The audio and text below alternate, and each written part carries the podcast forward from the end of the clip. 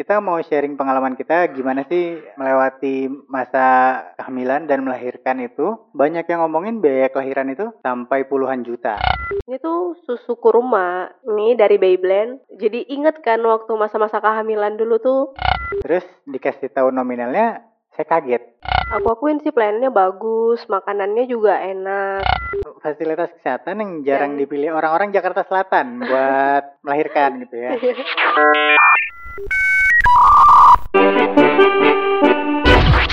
Hai. Halo, halo, halo. Kembali lagi di podcast Fajar ini bersama saya Fajar. Dan saya Rini, Hari ini kita mau ngobrol-ngobrol seputar biaya kelahiran. Kamu kenapa? Kok agak diem aja hari ini? Coba-coba dikasih tahu ke pendengarnya. sebenarnya lagi kurang enak badan sih. Ini makanya aku dari tadi tuh standby minuman di dekat sini. Jadi kalau tenggorokannya udah mulai kering langsung seruput gitu minumannya. Emangnya itu apa sih? Ini tuh susu kurma. Jadi inget kan waktu masa-masa kehamilan dulu tuh selalu sediain susu. Iya, Kurma. susu terus kurma direndam kadang di blend Iya, gitu ya. Terus kalau yang sekarang kayaknya udah nggak perlu repot-repot lagi sih, karena udah ada yang bisa langsung diminum. Ini dari Beyblend, Oh, itu susu kurma. susu kurma. Terus ada Mhm. rasa-rasa lainnya juga.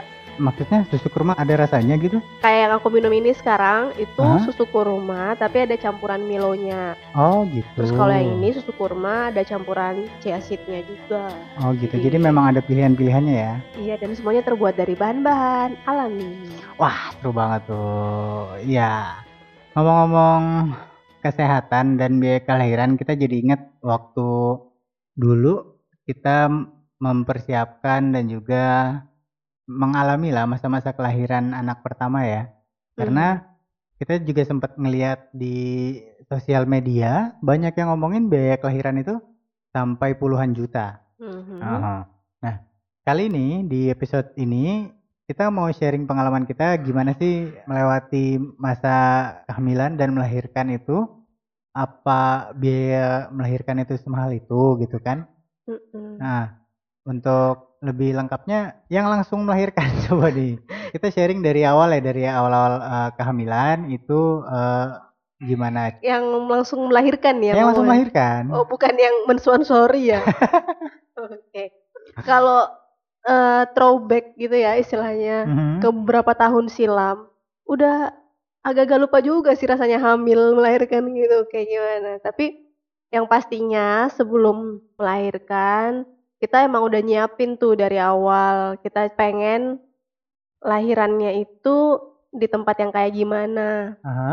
Sebenarnya kita waktu itu kan gak neko-neko juga ya mau nyari tempat melahirkan yang seperti apa. Yang Iya, penting betul. syaratnya tuh cuma satu waktu itu kita pertimbangannya deket dari rumah. dekat dari tempat tinggal dan ya waktu itu kan kita setelah menikah itu memang langsung kita tinggal berdua terus masing-masing juga masih kerja saat itu. Nah, untuk menentukan tempat tinggal juga kita mengatur ulang, menata ulang gitu. Jadi kita mempersiapkan tempat tinggal sementara selama masa kehamilan tuh di tempat yang dekat dengan tempat melahirkan dan juga dekat dengan tempat saya beraktivitas bekerja gitu. Jadi pertimbangannya adalah karena kita masih berdua nih kalau misalkan lagi melahirkan terus dirasa eh, sesuatu pada perutnya itu saya bisa pulang dari kantor dan bisa langsung ke tempat persalinan atau dokter atau tenaga medis. Nah, saat itu jadi kita cari tempat tinggal sementara dan kita ketemu tempat di wilayah Jakarta Selatan ya. Ya, Jakarta Selatan waktu itu. Jadi anak gaul Jaksel. Anak gaul Jakarta. Jadi anak gaul Jaksel. Terus setelah kita udah menemukan tuh Hmm. tempat tinggal sementara yang eh, dekat dengan kantor, Mhm. kita juga udah mapping nih. Oh, di dekat sini ternyata ada eh, tempat untuk melahirkan nih. Tempat untuk bersalin gitu yang ya sesuai lah dengan apa yang kita harapkan dan kita persiapkan gitu. Jadi ada beberapa pilihan yang ada di dekat situ. Aha.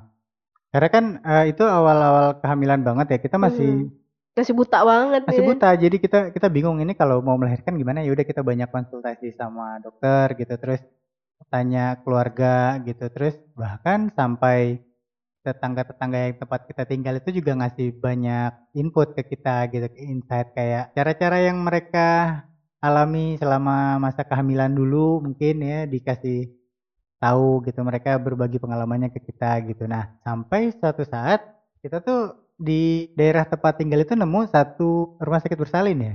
Rumah bersalin Oh, sih, rumah rumah bersalin ya? bersalin. Iya, jadi di dekat tempat tinggal kita itu ada rumah sakit ibu dan anak. Terus Mhm. ada rumah bersalin gitu. Terus ada eh, Ada puskesmas juga. puskesmas juga. Jadi eh, Jadi opsinya banyak. kan? opsinya banyak dan itu dijangkau kurang dari 10 menit semua gitu. Mhm. Jadi memang dari tempat saya kerja ke tempat tinggal itu kurang dari 10 menit dan Mhm. dari tempat tinggal ke fasilitas kesehatan itu kurang juga dari 10 menit. Jadi semuanya bisa dijangkau kurang dari satu jam semuanya gitu. Jadi pertimbangan tempat tinggal yang dekat dengan tempat kerja dan tempat melahirkan itu saat itu itu pilih eh, prioritas utama prioritasnya gitu. Jadi pas ada rumah bersalin kita coba cek tuh. Kita Mhm. coba periksa di situ, cek, terus tanya-tanya. Ternyata ada hal yang cukup mengejutkan. kita. Mhm. Jadi di rumah bersalin itu ternyata fasilitas dan pelayanannya udah cukup baik ya untuk di Jakarta Selatan ya. Untuk Jakarta Selatan. Untuk Jakarta Selatan fasilitas dan pelayanannya cukup baik, tapi saat ini rumah bersalin itu rumah bersalin dan puskesmas ya. Itu sepertinya sudah jarang menjadi pilihan ya untuk tempat melahirkan. Karena mungkin ya mungkin eh, asumsinya puskesmas atau rumah bersalin itu ya pelayanannya masih kurang baik gitu atau lingkungannya masih kurang nyaman. Tapi ternyata setelah kita periksa dan lihat sendiri sudah banyak pembaruan gitu sudah banyak kayak pelayanan terus fasilitas itu udah update gitu. Tapi karena nggak dijadiin pilihan gitu itu relatif sepi. Bahkan kita kontrol tuh sepi terus proses melahirkan waktu itu juga sepi gitu. Jadi kayak beruntung menemukan rumah sakit bersalin saat itu gitu. Iya betul. jadi kita juga udah mempersiapkan tuh kan untuk biaya melahirkan di ketiga fasilitas kesehatan itu gitu. Di rumah sakit ibu dan anak di rumah bersalin gitu kan. Dan juga kalau waktu itu sih kita nggak milih puskesmas ya Waktu itu puskesmas belum jadi pilihan kita sih. Hmm, Karena kita eh, mikirnya ya udah kalau bukan ke rumah sakit eh, ibu dan anak, ya udah ke rumah bersalin. bersalin gitu Sesuai dengan kondisi aja nanti pada saat lahiran kayak gimana kondisinya. Dan kita juga waktu waktu aku masih hamil itu Mhm. pertama kali konsultasi kan kita ke dokter, dokter ke dokter terus konsultasi. dokternya baik banget gitu ya Eh, dokternya baik, terus dites segala macam. Oh nggak ada nggak ada keluhan eh, apa-apa nih, butuh maksudnya penanganan khusus atau Iya. apa gitu ya paling hanya eh, darahnya rendah aja waktu itu, jadi harus banyak-banyak makan makanan yang eh, mengandung meningkatkan tekanan darah ya, ya meningkatkan sel darah merah, Oh, sel bukan darah tekanan merah. darah. Nanti aku jadi darah tinggi. gitu. sel darah merah. Eh, terus habis itu untuk konsultasi, terus aku nanya nih ke dokternya, Aha, eh, untuk konsultasi yang selanjutnya apakah eh, harus balik lagi ke sini atau gimana atau mungkin ke fasilitas kesehatan yang terdekat. aha.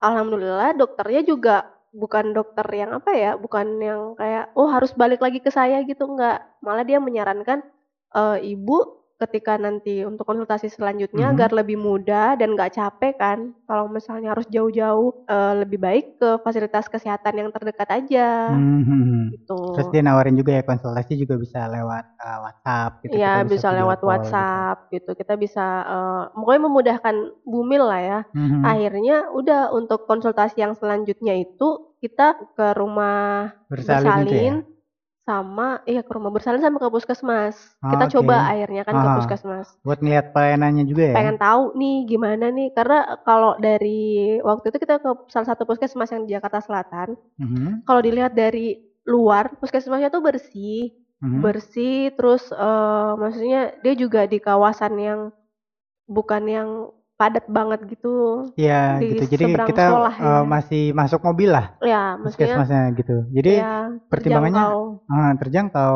dengan kendaraan gitu. Pertimbangannya nanti kalau misalkan pun lahiran harus ke sana bawa mobil itu masih masuk gitu ke unit gawat daruratnya gitu. Mm-mm.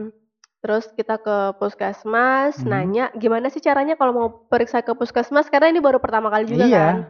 Kalau sebelum-sebelumnya paling waktu masih waktu masih single paling diurusin mama atau apa gitu. Pokoknya tinggal atau langsung ke dokter. Kalau ini kita baru Hmm. coba nih pertama kali ke puskesmas. Oh ternyata syaratnya adalah uh, eh, KTP dan kartu keluarga tuh. Udah Aha. KTP kartu keluarga tinggal bayar dua ribu rupiah untuk administrasi, udah dapat tuh nomor kartunya untuk tercatat di puskesmas tersebut. Akhirnya konsultasi yang selanjutnya nih setelah dari dokter yang pertama kali itu kita udah ke puskesmas. Dan Aha. itu rutin kayak setiap bulan. Dan jarak dari puskesmas ke rumah tuh cuma lima menit. Deket banget gitu deket banget. Jadi iya, kurang dari 10 menit ya?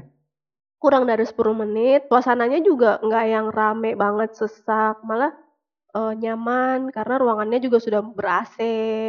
Terus habis itu tempat duduknya juga udah nyaman dan saat konsultasi dengan tenaga kesehatannya juga benar-benar udah detail gitu. Diperiksa, dicek tekanan darah, konsultasi keluhannya apa, dicek uh, denyut jantung denyut jantung janinnya kayak gitu, uh, gitu. Iya perkembangan bayinya gitu ya. Perkembangan bayi. Jadi Terus, memang layanan kesehatan yang diberikan di puskesmas juga sebetulnya udah baik ya, udah cukup untuk kebutuhan-kebutuhan dasar selama kehamilan. Kehamilan. Gitu. Asalkan dengan catatan memang nggak ada keluhan keluhan tambahan ya misalnya gejala-gejala ya, yang butuh penanganan gitu ya. Atau misalnya ada uh, flek atau apa hal-hal hmm. lain yang mungkin butuh tindakan lebih lanjut lagi. Nah, sampai pada akhirnya menjelang trimester akhir tuh untuk mau memutuskan kan eh mau pre, uh, mau ngelahirin di mana nih Alhamdulillah kondisi kehamilannya juga kondisi janin, kondisi uh, berat badan janin, berat badan ibu, terus apa lingkar perut ibu juga masih normal. Kita konsultasi lagi tuh ke dokter untuk menentukan ini nanti lahirannya gimana. Akhirnya sama dokter lagi-lagi dokter ini tuh dia memberikan berbagai macam opsi kalau memang proses melahirkannya nanti normal untuk pertama nggak apa-apa ke vaskes terdekat lagi-lagi dia selalu menyarankan adalah temui vaskes vaskes terdekat gitu jadi kita bukan yang nentuin dulu rumah sakit yang kayak gimana atau uh, yang rumah sakit bonafit atau gimana tapi mana yang paling dekat dari rumah dulu saraninnya kayak gitu karena mungkin ini ya apa ngelihat keselamatan ibu dan anak mm -hmm. gitu ya mm-hmm. maksudnya kalau misalkan memang kita pengen di satu rumah sakit dan udah enak sama dokter anaknya yang udah rekomendasi keluarga rekomendasi teman gitu kan. Mm-hmm. Itu pertimbangin juga jarak dari tempat tinggal kita ke situ gitu mm. ya. Jangan sampai kita udah stres duluan di jalan nih, eh brojol di jalan kan taunya. Iya iya iya, apalagi kan biasanya kalau yang anak pertama tuh masih serba bingung ya mau serba bingung nggak tahu mana yang kontraksi palsu mana yang kontraksi yeah. beneran mana yang udah bukaan mana yang itu tuh ada juga ceritanya kemarin kan waktu ah, ah, ah. mau waktu mau melahirkan jadi hmm. waktu itu tengah malam tengah malam ya tengah malam tuh rasanya perut udah mules banget emang udah masuk minggu-minggu terakhir sih maksudnya udah trimester akhir udah mulai nih sakit banget perut itu yang namanya itu rasanya sakitnya sama kayak mules-mules biasa atau memang Oh tidak Alfonso. Kamu kamu tidak. memang ngerasain yang lebih sak itu sakit banget itu mungkin menurutmu itu udah waktunya lahiran gitu. Kalau dari yang aku baca-baca sih, maksudnya sebelum melahirkan juga kan sempat baca-baca dulu di internet, baca-baca buku KIA itu juga. Oh iya buku, buku pink, pink, buku pink. Ya, buku pink andalan itu. Terus uh, uh, waktu konsultasi ke dokter juga dikasih taunya gitu kan. Mm -hmm. Nih nanti uh, uh, rasanya tuh kontraksi terus nanti tuh rasanya kayak pipis mau pipis-pipis terus gitu. Oh gitu. Itu kontraksi asli. Eh apa sih? Kon konpal kontraksi palsu. Kontraksi gitu palsu. Kan. Oke. Okay. Jadi uh, waktu itu tengah malam udah ngerasain tuh, aduh udah mulus banget, udah ini kayaknya udah mau lahiran, udah tuh bangunin kan, ah. bangunin, ayo ini kita udah, aduh ini udah sakit banget nih, udah nggak tahan, aku udah, pokoknya bener-bener nggak bisa lagi untuk menahan rasa sakitnya gitu kan. Karena udah apa jambak-jambak guling jambak-jambak rambut ini udah sakit banget. Udah akhirnya kita menuju tuh ke rumah bersalin. Rumah bersalin. Karena opsi pertama kita adalah rumah bersalin dulu hmm. nih. Udah kita ke rumah bersalin. Hmm. ini kenapa pak? Iya ini udah mulus-mulus banget. Oh i, udah udah ininya ya?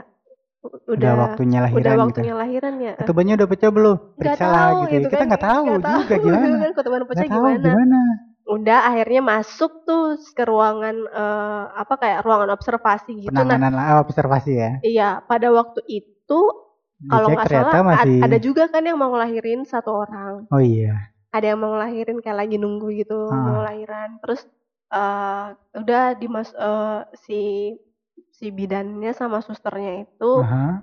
membimbing ke tempat tidur, terus habis itu udah dicek, eh ternyata masih pembukaan satu. Iya, masih pembukaan satu. Ya udah. Padahal itu rasanya udah mules banget. Terus ditanya kan waktu itu, Iya, ini ditanya. pembukaan satunya kondisinya gimana? Masih ada waktu buat istirahat atau memang harus tunggu di sini? Sempat ditanya gitu kan.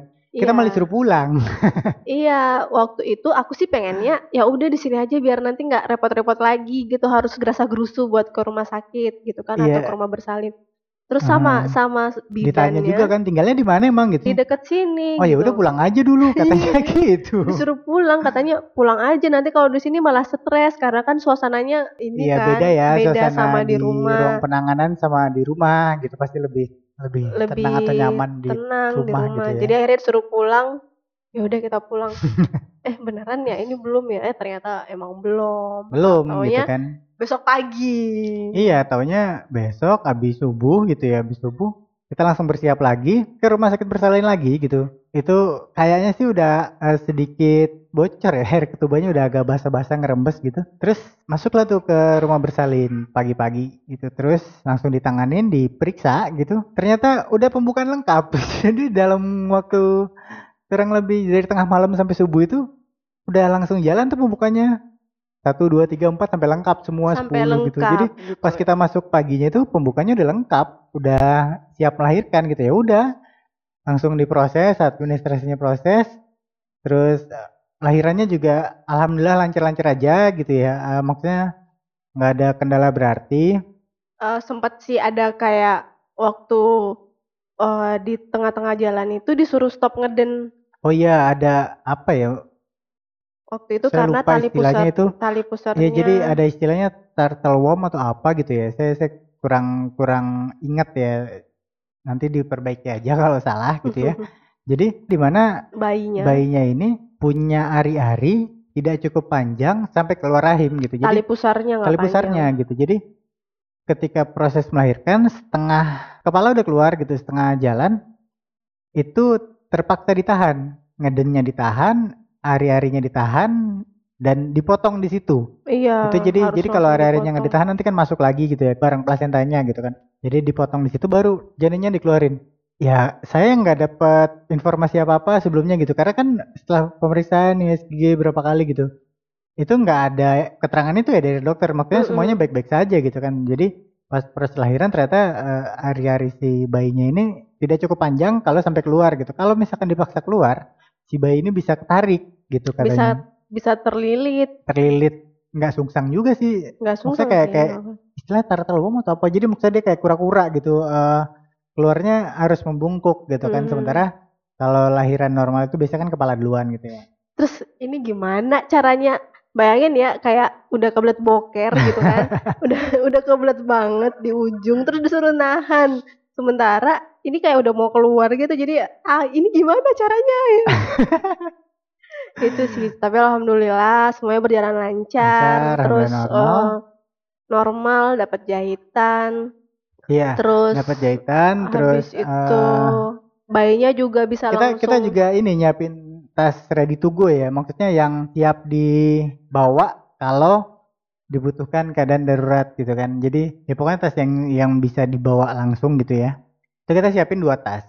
Yang satu isinya perlengkapan bayi tuh eh, untuk selimut gitu kan baju bedong sarung tangan. Pokoknya semua segala macam yang perlengkapan yang dibutuhkan untuk bayi yang baru lahir itu kita siapin dalam satu tas. Nah, tas yang kedua itu isinya adalah perlengkapan ibunya, baju ibunya gitu kan, terus segala macam lah selimut dan segala macam. Nah, pas kita ke rumah sakit paginya itu, tas to go yang dibawa adalah tas ibunya.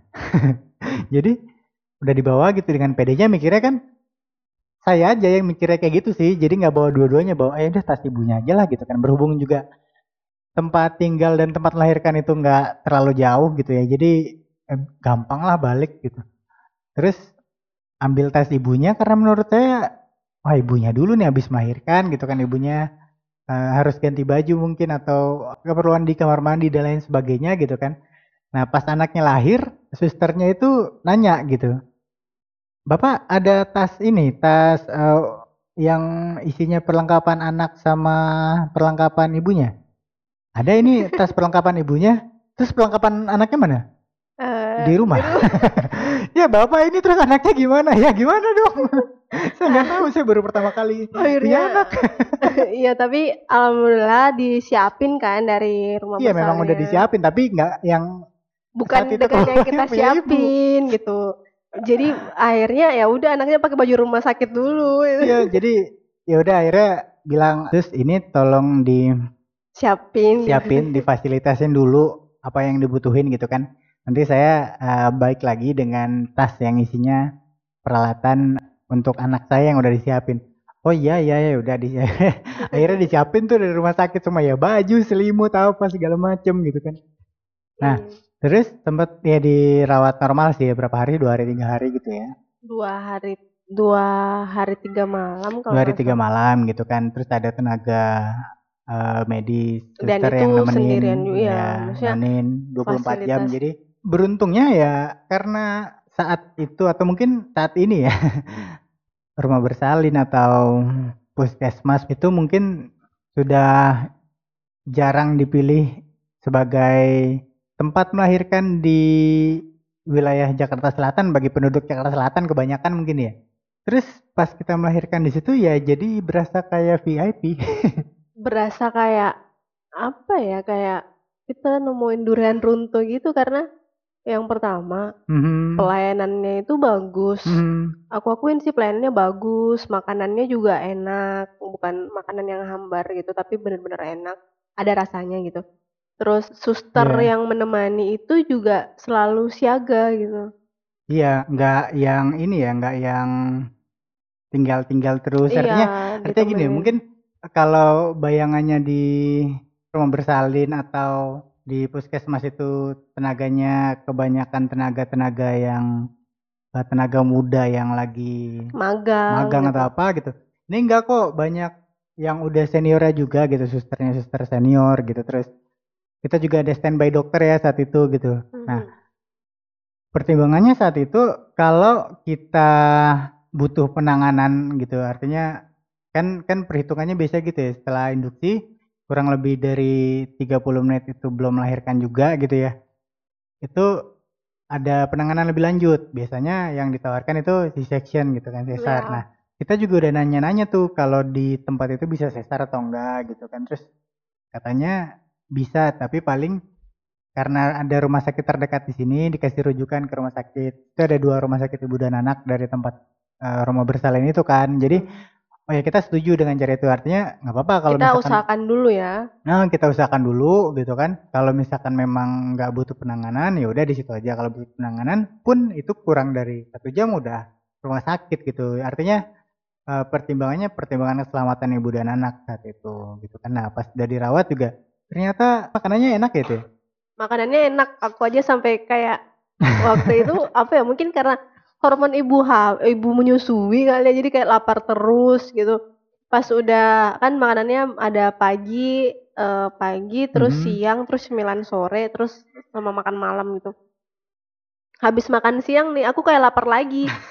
Terus kayak pengen nanya gitu tapi malu. Ada makanan lagi nggak sih Saking Nambah-nambah enak- gitu. iya enak maksudnya ma- masakannya itu masakan kayak masak menu-menu yang kita makan di rumah gitu jadi nggak kerasa kayak lagi di Rumah tempat sakit lain gitu ya. gitu kayak lagi kayak lagi makan masakan orang tua gitu di rumah Mhm. makanan rumahan Iya, terus karena memang dijagain 24 jam itu jadi ya lebih tenang sih lebih tenang gitu. Nah, sampai ke proses pembayaran pembayaran nih administrasi awal kan kayak dokumen segala macam udah masuk tuh, udah diproses dari awal gitu kan. Nah, sampai ke pembayaran, terus tanya ya saya urus lah ke depan tuh. Saya tanya ini untuk pasien ini gitu kan kasih surat. Terus dikasih tahu nominalnya, saya kaget. kenapa kaget Ternyata biaya lahirannya kurang dari 5 juta. iya itu sampai sampai eh, Fajar tuh nanya lagi Ini udah semua. Terus habis itu dia nanya lagi ke aku kan ke dalam kamar. Aku masih siap-siap nih mau Aha. eh, apa mau check out gitu kan, saya mau Ah, keluar, mau pulang gitu. mau pulang. Bu, itu kemarin semua biaya udah termasuk tempat eh, ari-ari juga ya? Iya kan apa? kita eh, minta itu tolong aja tempat airnya disiapin juga sekalian pokoknya disiapin. eh, apa nanti saya nanti sama saya lah terakhir saya bilang gitu kan. Iya. Katanya Pak Fajar gitu, Bu itu kemarin udah udah semuanya dengan biaya eh, potnya gitu dan baju yang Iya dipakai kan si anak. minta tolong siapin baju tolong selimut karena tas eh, apa ready to go-nya itu salah nyusul, bawa gitu, nyusul, nyusul kan, gitu kan. nyusul. Terus Udah bilang, Pak, udah semua ini eh, detailnya untuk apa baju, selimut, terus ini segala macam. Udah itu semua udah Iya ya, udah masuk. Gitu. Nah, jadi menariknya adalah saat itu kita eh, menyiapkan budget yang ya untuk alhamdulillah Iya, ya. ya alhamdulillah untuk ini maksudnya untuk untuk melahirkan di rumah sakit gitu, di rumah sakit dengan ya mungkin butuh yang dengan butuh penanganan lah untuk C-section segala Iya, macam gitu kita karena kita nggak itu, tahu gitu kita ya. nggak tahu gitu kan. Nah terus ya ternyata biayanya itu justru di bawah biaya yang udah kita siapin gitu. Iya, Jadi kayak "Wah, alhamdulillah. alhamdulillah nih. Seneng banget gitu kan. Iya, ada tambahan buat Ada gue. tambahan gitu kan. Nah, ada ba- tambahan buat ditabung gitu. tambahan buat ditabung gitu kan. Jadi setelah itu di masa-masa kehamilan awal gitu kan terus pemeriksaan-pemeriksaan anak di tahun-tahun awal, tahun-tahun pertama itu kita masih intens tuh ya ke ruang bersalin, ke puskesmas gitu. Jadi Iya. kita Karena kita juga- masih di Jakarta Selatan kita kan. masih Jakarta Selatan gitu. Kita juga eh, sempat sih ke dokter gitu. Hmm. Kita juga check up juga ke dokter anak segala macam. Nah, terus kita lebih takjub lagi ternyata Hmm. Eh, di puskesmas ya ya mungkin puskesmas yang tingkatannya kecamatan ya, yang yang agak besar ya itu ya. Iya, puskesmas kecamatan. Iya puskesmas kecamatan. Nah kalau di eh, rumah bersalin sendiri itu juga udah ada layanan eh, fasilitas dokter anaknya, dokter anak dan juga dokter em, Tubuh kebal. Iya untuk untuk mem- me- apa memantau tumbuh kembang anak. Nah terus yang di rumah sakit eh yang di puskesmas itu juga ternyata udah ada dokter anak, dokter tumbuh kembang anak, Ahli dokter gizi. ya ahli gizi gitu. Jadi kita amaznya kayak yang oh udah ada ya di puskesmas tuh yang kayak gini-gini gitu. Kirain cuman kayak poli anak terus yang isinya eh, anak-anak batuk pilek aja gitu. Mikirnya se, se, se apa ya? Sesederhana itu karena mungkin Kita aja yang belum tahu. iya belum gitu. tahu belum puskesmas juga tahu. sekarang ternyata udah begitu gitu. Sudah selengkap itu ya. Sampai- Tapi Aha. yang membuat kita akhirnya nggak ke puskesmas lagi gitu. Iya. Itu jadi Wah. kan se- apa setelah yang di Jakarta Selatan itu akhirnya kita pindah tuh ke wilayah Tangerang Selatan. Nah, di wilayah Tangerang Selatan itu kita berpikir fasilitas kesehatan setingkat puskesmas itu sudah bagus, sudah baik gitu ya. Setara lah ya. Setara hampir Jakarta. semuanya udah begitu. Ternyata pas kita ketemu di Tangerang Selatan, petugas kesehatannya malah bingung gitu kan. Eh, pas kita tanya eh, beberapa poin yang biasanya kita dapat di Jakarta Selatan gitu, di Hmm. Puskesmas Jakarta Selatan gitu. Kayak waktu aku cek tumbuh kembang, Iya, terus rutin, ada cek rutin imunisasi gitu ya. juga. Mhm. Waktu itu tuh kayak nggak diperiksa secara intensif, jadi kayak cuman di eh, cuman berat badannya sama tinggi badan, tapi stimulasi yang lain tuh nggak ada. Jadi kalau di puskesmas Jakarta Selatan Mhm. itu tuh si anak sampai kayak dicek apakah ini perkembangan motoriknya udah udah sesuai dengan Mhm. usianya, Mhm. Dikasihin mainan-mainan, terus dikasihin stimulus-stimulus macam-macam. gitu. Udah mirip Tapi- di rumah sakit lah ya. Iya, kayak kayak kalau Rumah sakitnya ini eh, ini ya eh, swasta ya, maksudnya Iya. bukan rumah sakit negeri. Iya. Oke. Waktu di Puskesmas Tangerang Selatan itu jujur aja cuma kayak diperiksa berat badan sama tinggi badan terus udah gitu nggak ada Nggak ada lebih lanjut lagi lebih lanjut, nggak ada pemeriksaan iya. lebih lanjut lagi terus udah kan Mhm. itu eh, akhirnya aku bilang nih sama ayahnya Mhm. Ini puskesmasnya kayaknya beda deh dengan puskesmas yang di Jakarta Selatan maksudnya Hmm. penanganannya tuh nggak sekomplit yang di Jakarta Selatan terus Iya ya. oh ya udah kalau gitu eh, kita coba kita coba aja ke rumah sakit ibu dan anak yang terdekat Nah, kata iya. ayahnya gitu tapi biasa ibu-ibu gitu kan. tunggu dulu aku pengen pengen eh, ini nih ke posyandu coba karena kan ada Hmm, oh iya, posyandu ada juga posyandu di dekat ya. situ setiap bulan jadi ya udah ke posyandu ya sebenarnya sih informasi yang dapatkan di posyandu juga sudah cukup lengkap ya Hmm. kayak untuk berat badan anak terus pemeriksa ada pemeriksaan giginya juga. Jadi ya bakalan dicek tuh giginya Pertumbuhan gigi ya. pertumbuhan gigi terus kalau misalnya ada yang bolong oh dirujuk nih harus langsung ditanganin gitu kan. Kalau misalnya ada gigi yang gigi bolong gitu ya. gitu eh, lumayan lah. Tapi ketika anak sakit akhirnya aku mem- eh, memutuskan untuk membawa konsultasinya ke rumah sakit ibu dan anak, ke dokter spesialis anak. Mhm. Karena menurut aku waktu itu puskesmas yang di Tangerang Selatan belum cukup puas gitu dengan pelayanannya. Iya. Nah, maksudnya itu bukannya ini sih yang Bukannya kayak sok "Hmm, sok Iya, kota sok banget sih standar tinggi, gini atau gimana. dan bukan bukan yang ngejelek-jelekin satu dengan lainnya sih. Cuman Hmm. jadi memang memang itu yang kita alamin saat itu gitu. Mhm. Jadi kita Siapa tahu sekarang udah iya, siapa tuh sekarang udah semakin baik karena memang terakhir itu tahun 2019 sudah lumayan ya, udah lumayan bagus. Maksudnya ada ada 2019. ada pembaruan-pembaruan gitu. Nah, setelah itu kita sudah melahirkan eh, bayi di fasilitas ya mungkin yang jarang dipilih orang-orang gitu Hmm. kali ya rumah rumah bersalin atau Ya, puskesmas itu gitu. kita kayak harganya oh cukup terjangkau gitu. terjangkau ternyata gitu jadi oh, oh, mungkin eh, saya ralat bukan jarang dipilih orang-orang saya lebih spesifik lagi fasilitas kesehatan yang jarang Yang- dipilih orang-orang Jakarta Selatan buat eh, melahirkan gitu ya Iya. gitu. Iya. Nah, itu dari situ baru tuh kita tahu informasi-informasi tambahan lain kayak yang oh ternyata anak kalau lahir tuh ada groomingnya gitu. Iya, terus eh Bumil tuh ada ininya juga menjelang melahirkan tuh ada kayak treatment khususnya gitu. Akhirnya aku juga baru tahu. Terus kita juga akhirnya tahu tuh maternity photoshoot waktu itu kita nggak kepikiran sama sekali ya. kepikiran gitu kan Lu karena mikirnya kesehatan ibu dan anak Enggak, aja. jangankan gitu. jangankan untuk foto. Waktu lagi hamil itu aku rasanya mau mau dandan aja itu tuh ya? males banget. Iya, pertama males, yang kedua takut, tak beneran Hmm. takut kayak pakai bahan-bahan kimia gitu, sampai Hmm. parfum aja nggak pakai. Terus Hmm. pokoknya sama sekali nggak pakai skincare, nggak pakai apa-apa. Jadi ya udah waktu itu ya udah makan aja, makan, senam, nonton drama Korea. Udah gitu aja kelakuannya Bumil satu ini yang menggendut naik 11 kilo ya, Wow. waktu itu. Terus eh, setelah kita udah menjadi orang tua nih dan udah mengalami fase kehamilan, melahirkan, terus membesarkan anak. Eh kita jadi tahu nih ada kebutuhan kebutuhan sekunder dan tersier lainnya ya. kayak spa yang baby. iya spa baby yang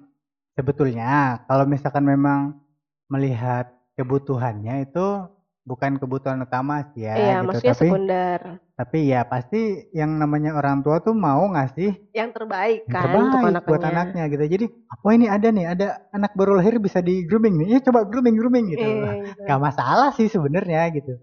Dan itu kenapa di perbincangan internet itu biayanya sampai puluhan juta gitu. Iya, karena itu ternyata biaya-biayanya nggak cuman sekedar biaya brojol aja, tapi Mm-mm, ada biaya in between gitu ada kayak oh ternyata dia ka- perawatan gitu kan. Iya, dan ternyata kehamilannya itu juga khusus kan. Mm-mm. Ada harus konsultasi ke dokter, terus cek Mm-mm. ini itu, cek lab. Memang yang mahal tuh cek lab sih, cek darah. Iya cek lab gitu kan.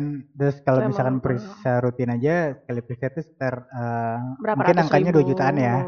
Enggak kalau kalau yang Oh, di iya. rumah sakit, yang rumah sakit mungkin angkanya eh, 2 jutaan gitu. Nah, kalau misalkan di pengalaman kita gitu di rumah sakit bersalin atau puskesmas nggak nyampe segitu gitu. Nggak nyampe segitu. gitu.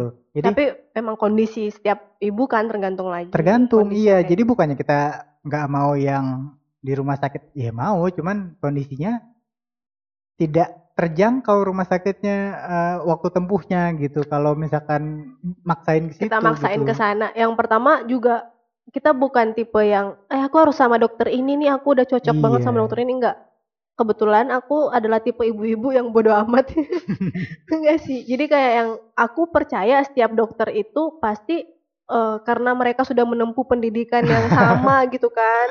eh, membaca diktat yang sama, terus juga membaca jurnal-jurnal ilmiah Iya, iya. yang Artinya semua source-nya sama kemampuan aja gitu. semua kemampuan dokter itu eh, bagus gitu ya. Mhm. Cuman ya gimana pembawaannya mungkin ya. gimana pembawaannya dan Mhm. alhamdulillah alhamdulillah banget waktu itu kondisi kita juga ketemu dengan dokter yang uh, bener-bener apa ya Enak. bener-bener enak diajak ngobrol, support, support uh, Apa ya, normal, kelahiran Nenangin gitu ya. normal, Jadi kalau kita nenangin. konsultasi itu nggak disalah-salahin terus. Iya nggak disalah-salahin. Karena kita juga sempat eh, apa ya pilih second opinion juga ya maksudnya kita ketemu dokter yang baru periksa aja kita udah dimarahin. Iya kenapa sih. gini kenapa gitu? Ya nggak tahu ini ya bodoh amat marah-marah terus gitu kan. Iya, Jadi kita cari second opinion karena tujuannya kita periksa itu kan buat kesehatan ibu, kesehatan anak gitu, bukan buat dimarah-marahin. Iya, tapi kita bukan yang fanatik harus sama dokter ini enggak, tapi Mm-mm. kita ya udah nyesuaiin aja dokter yang terdekat dari rumah ada apa nih atau oh di vaskes aja. Jadi untuk teman-teman bumil, teman-teman yang mungkin expect to be mom gitu, Mhm. merencanakan kehamilan eh, nggak harus langsung yang stres ah ternyata biaya untuk melahirkan tuh sekian puluh juta gitu. oh bodoh koyo bayar sepeda motor DP, tuku mobil sih cisoy gitu, gitu kan tapi ya itu kembali lagi ke pertama kondisi kita seperti apa lalu yang kedua kebutuhan kita tuh kayak gimana lalu Mhm. kemampuan kita kemampuan juga kemampuan ya. kita tuh batasnya sampai kayak gimana Ya karena kan pasti eh, semua orang tua itu pengen yang terbaik buat anaknya. Cuman ya kembali lagi gitu kan.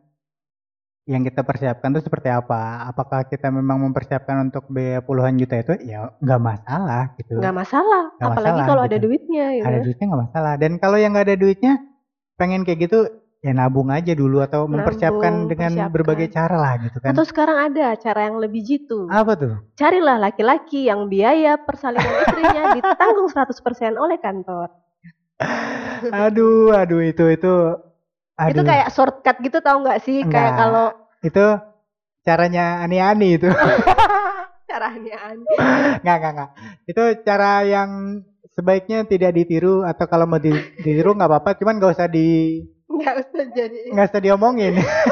iya sempet baca sih di beberapa komen gitu kan ah ibu-ibu yang lainnya "Ah, alhamdulillah aku nggak mengeluarkan biaya sepeser pun karena persalinan eh, ku ini ditanggung sepenuhnya oleh kantor wow slow clap. Iya memang ada sih, memang ada kantor yang seperti itu gitu. Dan untuk orang tua orang tua yang melihat biaya puluhan juta itu kemudian shock gitu, terkejut, kaget, mungkin nggak usah dipusingin ya, nggak usah dipu- pusingin. nggak usah pusingin karena kalau kita kaget melihat angka segitu berarti itu bukan angka buat kita. iya masih banyak opsi-opsi Iya, lainnya pilihannya gitu banyak. Kalau untuk mengutamakan kesehatan ibu dan anak gitu, terus untuk biayanya ambil inti-intinya juga cukup gitu. Dan bahkan ada juga teman-teman kita yang nggak peduli sama berita itu karena biaya lahiran mereka lebih Bayarnya dari lebih itu. dari itu.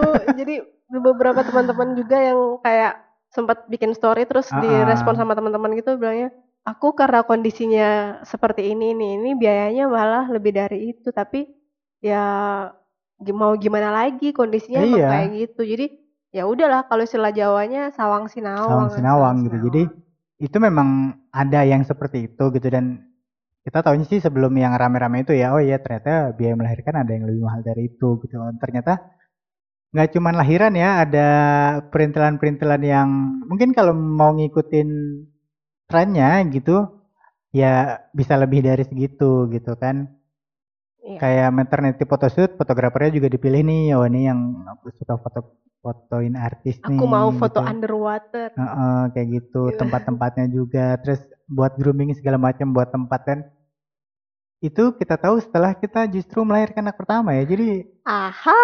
nanti gitu anak kan. dua gitu ya. Aduh aduh aduh aduh aduh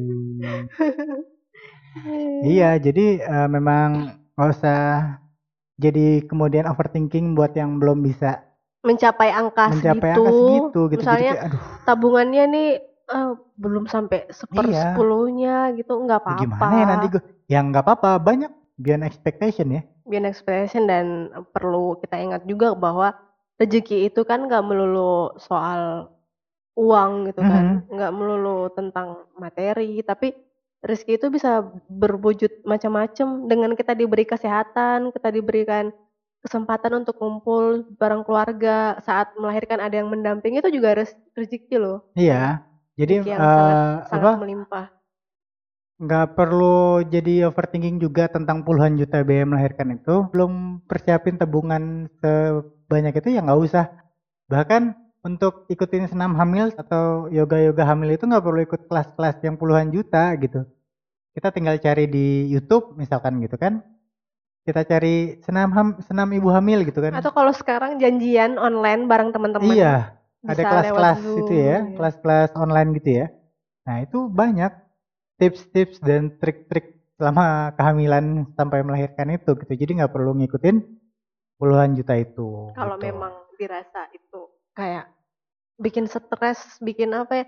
Ya udahlah, baca aja tapi nggak usah di iya nggak usah nggak usah dibikin keki gitu, nggak usah overthinking.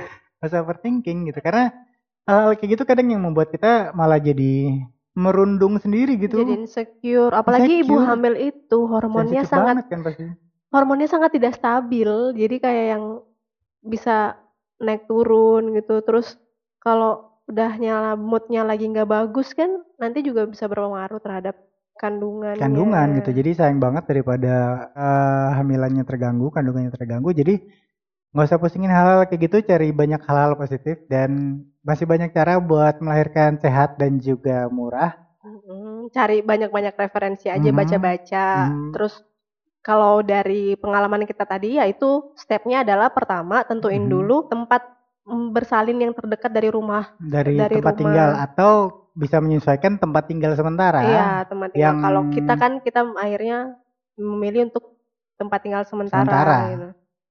Jadi Yang kita yang dengan- datengin gitu. Iya, yang dekat dengan tempat melahirkan dan juga saat itu saya memilihnya tempat Karena saya gitu. berdua. Karena ya setelah Berdua menikah kita tinggal berdua gitu. Jadi kita cari tempat tinggal sementara yang dekat di antaranya lah gitu ya, yang bisa terjangkau kalau bisa kurang lebih dari 10 menit. 10 menit atau setengah jam lah, kurang dari setengah jam bisa terjangkau jam. gitu. Terus yang kedua Mhm. eh, observasi. Jadi bandingin nih biaya-biayanya. Oh, setelah sudah mengetahui angkanya, Mhm. baru kita mulai nih set goals. Oh, berarti dana yang harus disiapin tuh segini. Terus biaya tak terduganya nanti seberapa Biaya-biaya gitu. cadangannya Biaya-biaya gitu ya. cadangan. Terus yang ketiga, Mhm.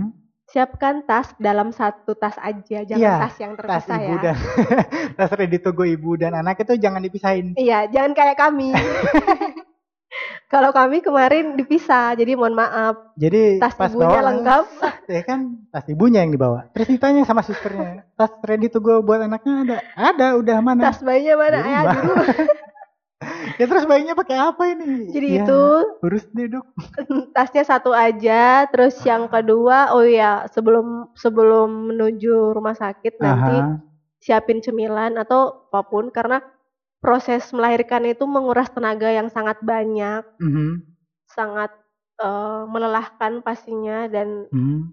ibu hamil atau ibu yang akan melahirkan harus punya energi yang cukup. iya karena beruntungnya kemarin kita itu melahirkannya prosesnya tidak sampai berjam-jam gitu ya artinya memang kontraksi pertama itu tengah malam dan selanjutnya itu tidak dirasakan itu karena kita disuruh pulang dan sampai melahirkan itu tidak membutuhkan waktu berjam-jam. Karena ada juga tuh yang sampai melahirkan tuh udah diinduksi berkali-kali nggak ada perkembangan juga gitu. Sementara ya pasti kan tenaga kesehatan memilih yang terbaik ya gitu. Maksudnya nggak melulu harus C-section gitu kan nggak Apalagi melulu- kalau air ketubannya udah mulai pecah. Baca itu kan ada perhitungannya gitu kan. Karena kalau sampai kelamaan juga nanti takutnya keracunan. Keracunan. Nah, babynya. makanya itu dibutuhin energi jadi siapin snack meals yang gampang dikonsumsi jangan siapin di dalam tas itu duren ah jangan belahnya Sama ini, repot Bu, kalau misalnya nanti nih, nanti aku mungkin anak yang selanjutnya ya, nanti ini harap dicatat aja insya Allah gitu. Kalau diberi kesempatan hamil lagi. Ah, Ini, Bu. ah. Alis on point, terus habis itu eh, lipstick lipstick juga jangan lupa. Jadi misalnya nanti mau Mhm. foto kan ada tuh foto-foto eh, apa? afterbirth ya eh, apa sih iya, istilahnya? foto eh, kayak yang si siapa tuh banyak lah Ya, banyak lah artis-artis artis yang gitu. itu kan. Terus banyak juga sekarang teman-teman yang akhirnya eh, beralih ke fo- fotografer. ada eh, ada tuh yang aku tahu melahirkan. bahkan sampai sulam bulu mata apa Ya, ini sulam bulu mata, sulam alis sulam gitu. alis sulam bulu Eh mata apa-apa kak. Nanti kalau misalnya eh, foto bisa on point. jadi nggak makeup nggak apa-apa, pucet nggak apa-apa, yang penting Namanya anti badai. Oke. Oke, itu aja obrolan kita. Ambil yang baik-baik aja. Ambil yang baik-baik dan kalau kamu kalau kamu punya pendapat lain boleh kasih tahu kita di Instagram @fajarinie Atau di kolom komentar. atau di kolom komentar ini. Jadi kasih tahu kita pendapat kamu apa. Dan kalau yang punya pengalaman yang sama dengan kita juga boleh nih sharingin waktu itu gimana proses kehamilan dan melahirkannya. Hmm. Dan kalau kamu suka podcast ini bisa di-share ke media sosial kamu. Instagram kita ada di @fajarinie. Pakai E Mm-mm. belakangnya. Terima kasih banyak buat yang sudah dengerin Fajar ini podcast episode kali ini. Jangan lupa dengerin episode yang lainnya. Bye. Bye bye.